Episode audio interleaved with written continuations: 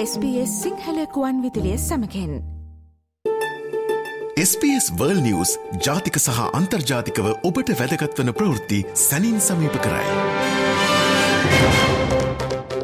ලොබ වටා අපගේ විදෙස් විත්ති සමාලෝචනය අපි හෙමනම් පුරුදු පරිදි ආරම්භ කරන්නට සූදානම් ලෝකයේ මේ වෙනකොට ප්‍රමුඛ වශයෙන් කතාබහට සහ අවධානයට ලක් වෙලා තියෙන කරුණු පිළිබඳව අවධානය යොමු කරමින් දෙදහස් විසිහතර නවවසර ආරම්භුණයන් පස්සේ ඔබ අපි හමුවන අපේ පළවෙනි ලොව වටා විශේෂාංගයයි මේ. පුරුදු විදිහටම වසර ගණනාවක් තිස්සේ අපිත් එක්ක සම්බන්ධ වෙමින් ලෝකයේ ප්‍රවෘත්ති පිළිබඳව ඔබව දැනුවත් කරන අපේ මාධ්‍යවේදී අමල් ජයසිංහ මහතා අදත් සූදානමින් ඉන්න ප්‍රංශ ප්‍රවෘත්ති සේවයෙන් අපිත් එක්ක මේ තොරතුරු කතා බහ කරන්න. ආයිබෝන් අමල්. ආයිබෝන් දිලුක්ෂි. දෙදහස් විසි හතරේ හාහාපුරා කියලා අපි හමුවෙන හින්දා මම මුලින්ම ප්‍රාර්ථනා කරන්න කැමති මේ උදාවුණු දෙදහස් විසි හතර නවවසර ඔබේ සියලු කටයුතු සර්ව ප්‍රකාරයෙන් සාර්ථක වේවා කියලාම ඔබොම ස්තුතියි දිලුක්ෂය වගේම අපේ අසන්නන්ටත් සුබ අලුත් අවුරුද්දක් ප්‍රාර්ථනා කරනවා. හොඳ ඇමල් මේ අවුරුද්ධ අලුත් අවුරුද්ධ විදිහට පටන් ගත්තට පරණ අවුරුද්දේ සමස්ත ලෝකේම අවධානයට ලක් වෙලා තිබුණු ප්‍රධාන කරුණු ඒ ආකාරින්ම ගලාගෙන යන ආකාරයක් අපි දකිනවා. විශේෂයෙන්ම ලෝකයේ ප්‍රමුඛ අවධානය යොමු වෙලා තියෙන්නේ ඊශ්‍රායල සහ පලස්තීන ගැටුම සම්බන්ධව. මේ වසර ආරම්භයේදීත් ඒ වගේ බොහොම අවාසනාවන්ත සිදුවීම් කිහිපයකුත් අපිට ඒ පැත්තෙන් වාර්තා වුණා. විශේෂයෙන්ම බොහෝ දෙනෙකුගේ අවධානයට ලක් වුණා ඊශ්‍රායලයේ විසින් ක්‍රියාත්මක කරන ලද මේ ප්‍රහාර මාලාවෙන් හමාස් සංවිධානයේ නියෝජ්‍ය නායකයා විදිහට සැලකෙන සලේ කියන පුද්ගලයා ඝාතනයට ලක්වීම පිළිබඳව. මේ ඊශ්‍රායල් පලස්තීන ගැටුමේ අලුත් තත්ත්වය සහ මේ හමාස් උපනායකයා විදිහට සැලකෙන පුද්ගලයා ඝාතනයට ලක්වීම මේ සටනේදී හමාස් සංවිධානයට කොයි වගේ ප්‍රබල බලපෑමක් ඇති කරලා තියෙනවද කියලාද අපිට තොරතුරු වාර්තා වෙන්නේ. දිලුක්ෂි මෙතන සලේ අල් අරූරි කියන මේ හමාස් සංවිධානයේ නියෝජනායකයා හැටියට සඳහන් කරන පුද්ගලයා ඔහුට ප්‍රහාරය එල්ල වෙන අවස්ථාවේ ඔහු ලෙබනන් රාජ්‍යයේ ප්‍රධාන අගනුවර බේරුට් නුවර හිස්බුල්ලා සංවිධානයට බලය තියෙන ප්‍රදේශයක සැඟවී හිටිය කියලා තමයි වාර්තා වෙන්නේ. ඔහුට ගුවන් ප්‍රහාරයක් එල්ල කරලා ඔහුව ඝාතනය කරලා තියෙනවයි කියලා සඳහන් වෙනවා. ඒකත් එක්කලා ඒ ප්‍රදේශයේ හිටපු තව 6 දෙනෙක් ජීවිතක්ෂයට පත් වුණයි කියලා වාර්තා වුණා. මෙතනදී හමාස් සංවිධානය චෝදනා කළා තියෙනවා මේ ප්‍රහාරයට වග කියන්න ඕනේ ඊශ්‍රායලය කියලා. මේකේ තවත් වඩාත් වැදගත් කාරණාව වෙන්නේ හමාස් සංවිධානයේ ඉහළම ප්‍රබලම නායකයා හැටියට සලේ අල් අරූරි පත්වෙනවා මේ ඔක්තෝබර් හත්වෙන්ද ආරම්භ වෙච්ච ඒ යුද්ධයක් එක්කලා ජේෂ්ඨතම හමාස් සාමාජිකය හැටියට ඔහු වාර්තාගත වෙනවා ඒ එක්කම මේ ප්‍රහාරය එල්ල කරන්නේ බේරුට් නුවරට මේක සිද්ධ කරන්නේ ඊස්ට්‍රයිලෙන් කියලා චෝදනාව ලැබිලා තියෙන්නේ. ඉතින් ඒ කියන්නේ ගාසා තීරයේ ඇතිවෙච්ච ඒ යුද්ධය දැන් ලෙබනනේ අගනුවරටත් ව්‍යාප්ත වුණයි කියන කාරණාව මතුවෙලා තියෙනවා. ඉතින් මෙතනදී ඇමරිකාව සඳහන් කරලා තියෙනවා ඔවුන් විශ්වාස කරනවයි කියලා මේ ප්‍රහාරයට වග කියන්නට ඕන ඊස්ට්‍රයිලය කියලා. නමුත් මෙතනදී ඊස්ට්‍රයිලය ඒ සනාත කිරීමට හෝ ප්‍රතික්ෂේප කිරීමට කටයුතු කළ නෑ. නමුත් ඉස්ට්‍රයිලය සඳහන් කල්ලා තියෙනවා මේ ඝාතනයත් මේ අඟහරු ආදා සිදුවෙච්ච මේ සලේ අල් අරූරිගේ ඝාතනයත් සමගම ඔවුන් බලාපොරොත්තු වෙනවයි කියලා ඒකට හමස් සංවිධානය ප්‍රතිචාර දක්වයි කියලා ඒකේ පලිගැනීමකට ඔවුන් යොවන්න ඉඩ තියෙනවා. එය වැලැක්වීම සඳහා ඊස්ට්‍රයිලය දැඩි පියවර අරන් තියෙනවයි කියලා. ඒ එක්කම දිල්දුක්ෂ මේ පහුගිය සතියේ ඇතිවෙච්ච සටන් වලින් තවත් සිය ගණනක් ජීවිතක්ෂයට පත් වෙලා මේ වෙනකොට එකන් ඔක්තෝබර් හත්වෙන්ඩ ඉඳලා ඊය දවස වෙනකොට විසිදදස් තුන්සිය දහතුන් දෙනෙක් ජීවිතක්ෂයට පත්වනයි කියලා හමස් සංවිධානය සඳහන් කළ තිනවා මේකෙන් පහළොස් දාකට අධික පිරිසක් කාන්තාවන් සහ ළමුන් හැටියට තමයි ඔවුන් සඳහන් කළ තියෙන. මීළඟට ලෝකයේ ප්‍රමුඛ අවධානය යමුණ ඉරානයේ සිදුවන බෝම්බ පිපිරීම් දෙක පිළිබඳව. පුද්ගලයන් සියයකට වැඩි සංඛ්‍යාවක් මිය ගියයි කියලායි තොරතුරු වාර්තා වන්නේ. මෙතනදී විශේෂිත තත්ත්වය බවට පත්වන්නේ ඇමරිකානු ඩ්‍රෝන ප්‍රහාරයකින් ඝාතනය වුණු ඉරාන විප්ලවීය හමුදා ජනරාල්වරයෙකු වුණු කසීම් සුලේමානිගේ ගුණසැමරුමක් අතරතුරදී මේ ප්‍රහාරය සිදුවීම. අමල් මේ ගුණසැමරුම අතරතුරදී මේ ප්‍රහාරය සිදුවීම පිළිබඳව අවධානය යොමු කරද්දී කවුරුන් මේ පසුපස සිටිනවාද කියන කාරණය පිළිබඳව ලොකු කුතුහලයක් ඇති වෙලා තියෙනවා. මොකද ප්‍රහාරයේ වගකීම කවුරුත් බාරගෙනත් නොමැති නිසා. මේ සිදුවීම සහ මේ ගුණසැමරුම අතරතුරේදී මේ ප්‍රහාරය සිදුවීම සම්බන්ධව යම් සිදුවීම් ගැළපීමක් තියෙනවද? ඒ පිළිබඳව මොනවද වාර්තාවන්නේ? ඔදිල්ලක්ෂ මෙතන සුලෙමනීගේ ඝාතනයට දැනට අවුරුදු හතරකට කලින් ඔහුව ඝාතනයට ලක්වෙන්නේ ඉරාකේ අගනුවර ඉන්න අවස්ථාවකදී. ඒ අවස්ථාවේදී ඉරානය සඳහන් කළා සුලමිනිගේ ඝාතනයට ඇමරිකාව වග කියන්නට ඕනේ කියලා. ඔහු ජීවිතක්ෂයට පත්වල අවුරුදු හතරක් පත්වෙන අවස්ථාවේදී. ඔහුගේ මරණය සමරණ අවස්ථාවේදී මේ බෝම්බ ප්‍රහාරයට වග කියන්නට ඕන ඇමරිකාව සහ ඊස්ට්‍රාලිය කියන කාරණාව ඉරානය බොහොම දැඩි ලෙස අවධාරණය කරලා තියෙනවා.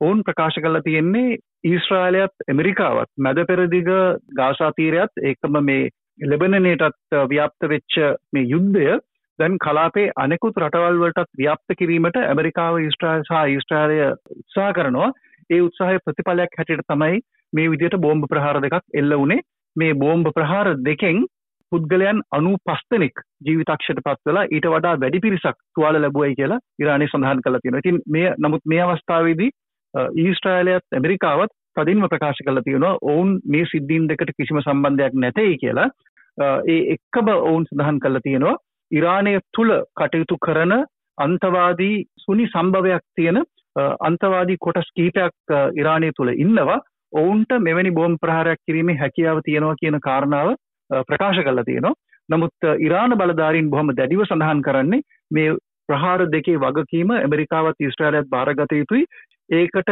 එකට එක හරියන්නට පලිගැනීමක් හැටියට තමත්ම කිටි කාලයක් තුළ ඒකට දැඩි ප්‍රතිචාරයක් තමා දක්වන තමන් දක්වනවා කියන කාරණාවත් ඉරානය සඳහන් කළ තියෙනවා. අපි මීළඟට ජපානය කෙරෙහි අවධානය යොමු කරමු ජපානයෙන් අපිට කතාබහ කරන්න ප්‍රමුඛ පෙළේ සිදුවීම් දෙකක් පිළිබඳව වාර්තා වෙනවා. එකක් තමයි ගුවන් අනතුරක් පිළිබඳව. හැබැයි බොහොම වාසනාවන්ත විදිහට මේ ගුවන් යානයේ හිටපු මගින් 379 දෙනාම දිවි බේරා ගන්නට සමත් වුණා කාර්ය මණ්ඩලයේ යහුසුලුව ක්‍රියාත්මක වීම නිසා ජපන් එයාලයින්ස් ගුවන් යානයක මේ ඇති වුණු දෝෂයක් නිසා හදිසි ක්‍රියාමාර්ග අනුගමනය කරමින් මගින් සියලුම දෙනාම එතනින් ඉවත් කරගත්තට පස්සේ අනේ ගිනිගත්ත කියලා තමයි අමල් වාර්තා වන්නේ.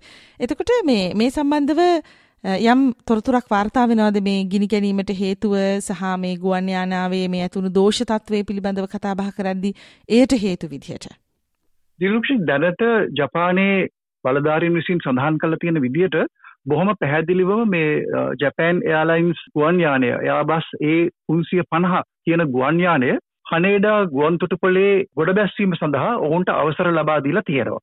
ඒ ලබා දුන්නු පාලක මැදිරියෙන් ලබා දුන්නු ඒ අවසරය අනුව තමයි ඔවුන් නිසි ආකාරයෙන් මේ ගුවන් යානය ගොඩ බැස්වීමට කටයුතු කරලා තියෙන්නේ. එම ගුවන් තොටුපළෙන් ගුවන් ගතවීමට තිබිච්ච කුඩා ගුවන් යානයක් ජපානයේ වෙරළ ආරක්ෂක බටකායට අයත් කුඩා යානයක්. එහි නියමුවන් පාලක මැදිරියේ තියෙන ලබා දුන්නු අන නොතකා ගුවන් පතයට එහෙම නැත්නම් මේ ධාවන පතයට පිවිසීම නිසා මේ අනතුරු සිද්ධ වුණයි කියලා දැනට මූලික වශයෙන් කරුණු අනාවරණය කරගෙන තියෙනවා. මේ කුඩා ගුවන් යානයේ ගමන් කරපු හය දෙනාගෙන් පස් දෙනෙක් එතනම ජීවිතක්ෂයට පත් වුණයි කියලා වාර්තා වුණා. මේ ගුවන් යානයේ නියමුවා ඔහු බොහොම දැඩි ලෙස තුවාල ලබලා දැනට රෝහල් ගත කළ තියෙනවයි කියලත් වාර්තා වෙනවා. මෙතනදී ඒ කුඩා ගුවන් යානයේ නියමුවා සඳහන් කළයි කියලා වාර්තා වෙනවා. මේ ධාවනපතයට පිවිසීමට අවසර ලබා දුන්නයි කියලා.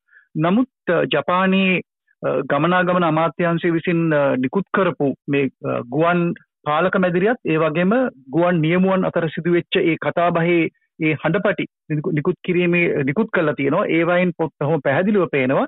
පාලක මැදිරිය මේ කුඩා ගුවන් යානයට අවසර දීලා තියෙන්නේ ධාවනපතේ ආසන්නයේ ස්ථානයකට ඇවිල්ලා. මීටර 50ක් විතර ධාවනපතෙන් ප්‍රධාන ධාවනපතෙන් මීටර 50ක් විතර ඈතින් තමන්ගේ ගුවන් යානය නතර කරන්නට කියලා ඔවුන්ට අනකල්ලා තියෙනවා. නමුත් යම්කිසි හේතුවක් නිසා ඒ අන පිළිපදින්නේ නැතුව හෝ ඒක හරියට ඇහෙන නැති හේතුවක් හෝ එවැනි වෙන කාරණාවක් නිසා මේ ගුවන් යානය ධාවනපතයට පිවිසිලා අර ජැපෑන් එයාලයින්ස් ගුවන් යානය ගොඩබස්සන අවස්ථාවේදී මේ අනතුර සිද්ධ වෙලා තියෙනවා. ඉතින් මේකේ සුවිශේෂම කාරණාව තමයි දිල්දුක්ෂි බොහොම විරල අවස්ථාවක් ඒ ගුවන් යානයේ මේ ප්‍රධාන ගුවන් විශාල ගුවන් යානයේ හිටපු කිසිම පුද්ගලයෙක්ට හානියක් නොවි ඔවුන් සියලු දෙනාම නිරුපද්‍රිතව ගුවන් යානයෙන් එළියට ඒමට ඔවුන්ට හැකිවීම ඇතරම වාර්තාගත වෙන කාරණාවක් හැටියට සඳහන් වෙන මේ ඉතාමත්ම විරල අවස්ථාවක් හැටියට සඳහන් කරලා තියෙනවා. ඒ එක්කම දිලුක්ෂි දැනට අනාවරණය කරගෙන තියෙනවා මේ කුඩා ගුවන් යානය මේ වෙරළ සංරක්ෂක කණ්ඩායමේ කුඩා ගුවන් යානය ඔවුන් හදිසි මෙහෙයුමක් සඳහා විශේෂයෙන්ම ජපානයේ ඇතිවෙච්ච භූමිකම්පාවෙන් පීඩාවට පත්වෙච්ච පුද්ගලයන්ට සහනාධාර ලබාගෙන බෙදාහැරීමේ කටයුත්තක ඔවුන් නිරතව හිටියයි කියලා. ඔවු දැන් ඔබ සඳහන් කරපු ජපානයේ භූමිකම්පාව පිළිබඳව තමයි අපිට මීළඟට කතා බහ කරන්න සිදුන අනිකුත් කාරණාව ජපානය පිළිබඳව වාර්තාවන ප්‍රමුඛතම කාරණා දෙක පිළිබඳව කතා බහ කරද්දී විශේෂයෙන්ම මේ සුනාමි අනතුරු ඇඟවීම් පවා නිකුත් වෙලා තිබුණා සඳුද දවසේ රිච්ටර් මාපාංක මට මතක විදිහට 7.5ක වගේ භූකම්පණයෙන් අනතුරුව කෙසේ හෝ සුනාමි අනතුරක් ඇති වුණේ නැහැ කියලා තමයි අපිට තොරතුරු වාර්තා වුණේ. හැබැයි භූකම්පණයෙන් යම් ආපදා සිදු වෙලා තිබුණා ජපානයේට. ඒ පිළිබඳව වන තොරතුරු කොහොමද වාර්තා වෙන්නේ යම? දිරුක්ෂි මේ වෙනකොට ඔවුන් ජීවිතක්ෂයට පත්වෙච්ච සංඛ්‍යාව 78 දක්වා ඉහළ ගිහිල්ලා තියෙනවා. නමුත් ඊයේ දවස වෙනකොටත් ජපන් බලධාරීන් විසින් ඒ ගොඩනැගිරි යට හිරවෙලා ඉන්න හිරවෙලා ඉන්නවාද කියන කාරණාව සම්බන්ධයෙන් ඔවුන් ඒ සෝදිසි මෙවුන් දිගින් දිගටම පවත්වාගෙන ගිහින් තිබුණා. ඊයේ දවස වෙනකොට ඒ ප්‍රදේශයේ හිටපු ජනතාවගෙන් යටත් පිරිසෙන් 50 දෙනෙක් විතර ආගිය අතක් නැහැයි කියලා වාර්තා වෙනවා. ඉතින් මරණ සංඛ්‍යාව හැටියට දැනට වාර්තා වුණේ 78ක් වුණාට තව 50 දෙනෙක් පිළිබඳ තවමත් තොරතුරු අනාවරණය කරගන්නට බැරි වුණයි කියලා වාර්තා වෙනවා. නිවාස ලක්ෂයකට අධික ප්‍රමාණයක් භූමිකම්පාව නිසා විනාශ වෙලා එහෙම නැත්නම් ඒ නිවාස පාවිච්චි කරන්න බැරි තත්වයට පත් වුණයි කියලා සඳහන් වෙනවා. ඉතින් මේ මෑත කාලේ ඇතිවෙච්ච දරුණුතම ඛේදවාචකයක් හැටියට මේකත් ඉතිහාසයට එකතු වෙනවා. අපේ අවසාන අවධානය යොමු වන්නේ යුක්්‍රේන රුසියා යුද්ධය පිළිබඳවයි. මේ සතිය වෙනකොට විශේෂිත සිදුවීමක් වාර්තා වෙනවාමල් මේ දෙපැත්තේම කාලයක් තිස්සේ හිරකරගෙන හිටපු ප්‍රාණඇපකරුවන් බවට පත්වෙලා හිටපු මේ හමුදා සාමාජිකයෙන් හුමාරු කරගත්තයි කියලා. මොකක්ද මේ මේ අලුත් අවුරුදු ගණු දෙනුවක්ද නැත්තං වෙන මොකක්ද මෙතන තියෙන්නේ කියනකත් පුංචිකුතු හලයක් මේ සිදුවීමට පාදක වෙලා තියෙන පසුබිම් තොරතුරු මොනවාදාම. දිලුක්ෂි මීට කලින් අවස්ථාවලදීත් මේ දෙපාර්ශවය තමන්ගේ සිරකරුවන් හුවමාරු කර ගැනීමේ කටයුතු සිද්ධ වෙලා තිබුණා තුර්කිය සහ ඇති වගේ එක්සත් ජාතින්ගේ මැදිහත්වීම වගේ කාරණ මුල් කරගෙන කුඩා සංඛ්‍යාවන් දෙපාර්ශවයම හුවමාරු කරගෙන තිබුණා. නමුත් මේ අලුත් අවුරුද්දේ මේ අලුත් පියවරක් හැටියට මේ විදිහට විශාල සංඛ්‍යාවක් මේ දෙපාර්ශවයම තමන්ගේ බාරයේ සිටින අනෙකුත් රටේ පුරවැසියන් දෙසියකට ආසන්න ප්‍රමාණයක් මේ විදියට හුවමාරු කරගෙන තියෙනවා. ඉතින් මේ මේ සිරකරුවන් සුවමාරු කර ගැනීම සඳහා එක්සත් අරාබි එමීර් රාජ්‍ය එහෙම නැත්නම් යුනයිටඩ් ඇරබ් එමිරේට්ස් රාජ්‍යයේ මැදිහත් වීම අනුව තමයි මේ දේ සිද්ධ වුණේ කියලා වාර්තා වෙනවා. දැන් මේ මේ 200ක් දෙනා හුවමාරු කර ගැනීමත් එක්කලා මේ වෙනකොට රුසියාව සඳහන් කරලා තියෙනවා ඔවුන් දැනට යුක්‍රේනයේ හමුදා අංශවල උදවිය 248 දෙනෙක් මේ වෙනකොට යුද්ධ ආරම්භයත් සමගම නැවතත් යුක්‍රේන්ට ලබා දීලා තියෙනවා කියලා එවැනිම සංඛ්‍යාවක් යුක්‍රේනීය විසින් රුසියාවට ලබා දීලා තියෙනවා. මේක ඇත්තටම මේ යුද්ධය දිගින් දිගටම ඇදිලා යනවා. දැන් පෙබරවාරි මාසය වෙනකොට මේක අවුරුදු දෙකක් පිරෙන්නටත් ලං වෙනවා. දිනපතාම මේ යුද්ධයේදී යම් පිරිසක් ජීවිතක්ෂයට පත් වෙලා එවැනි කරුණු සිද්ධ වුණාට මේ විදිහට එක්සත් එමීර් රාජ්‍යයේ මැදිහත්වීම මත තමයි මේ විදිහට ඔවුන්ට මේ තමන්ගේ තමන් සතු ඉන්න ඒ සිරකරුවන් හුවමාරු කර ගැනීමට ඒ වාතාවරණය සකස් වුණේ. දැන් මේ හුවමාරුවුණු සිරකරුවන් අතර විශේෂිත හමුදා සමාජිකයන් ඉන්නවා කියලා ඒ වගේ තොරතුරුත් වාර්තා වෙනවද දමන්? දෙලුක්ෂ දැනට තියෙන විදිහට නම් එහෙම විශේෂිත අපි කියන මේ හයි ප්‍රොෆයිල් කට්ටිය එහෙම කිසි කෙනෙක් නැtei කියලා වාර්තා වෙන්නේ නමුත් මේ හමුදා මේ යුද්ධයට රිජුවම සම්බන්ධ වෙච්ච පහළ මට්ට මේ හමුදල්ලධාරින් තමයි මේ ආකාරයෙන් හුවමාරු කරගත්තේ කියල තමයි සඳහන් වෙන්නේ. හොඳ ඇමල් එමනම් මේ දෙදහස් විසි හත්තර ආරම්භේ පටන් අද වෙනකං මේ දවස් පහක විතර කාලය ඇතුළ තුළදී ලෝකයෙන් ප්‍රමුඛයෙන් වාර්තාවනු කරුණු පිළිබඳවයි අපි අදත් මේ විදිහට අවධානයට ලක් කළේ.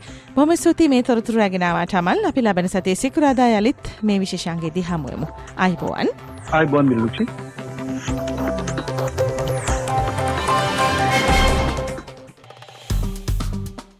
ලයි කරන්න ෂයා කරන්න අදහස් ප්‍රකාශ කරන්න SBS සිංහල ෆස්බුක් පිටුව ෆලෝ කරන්න.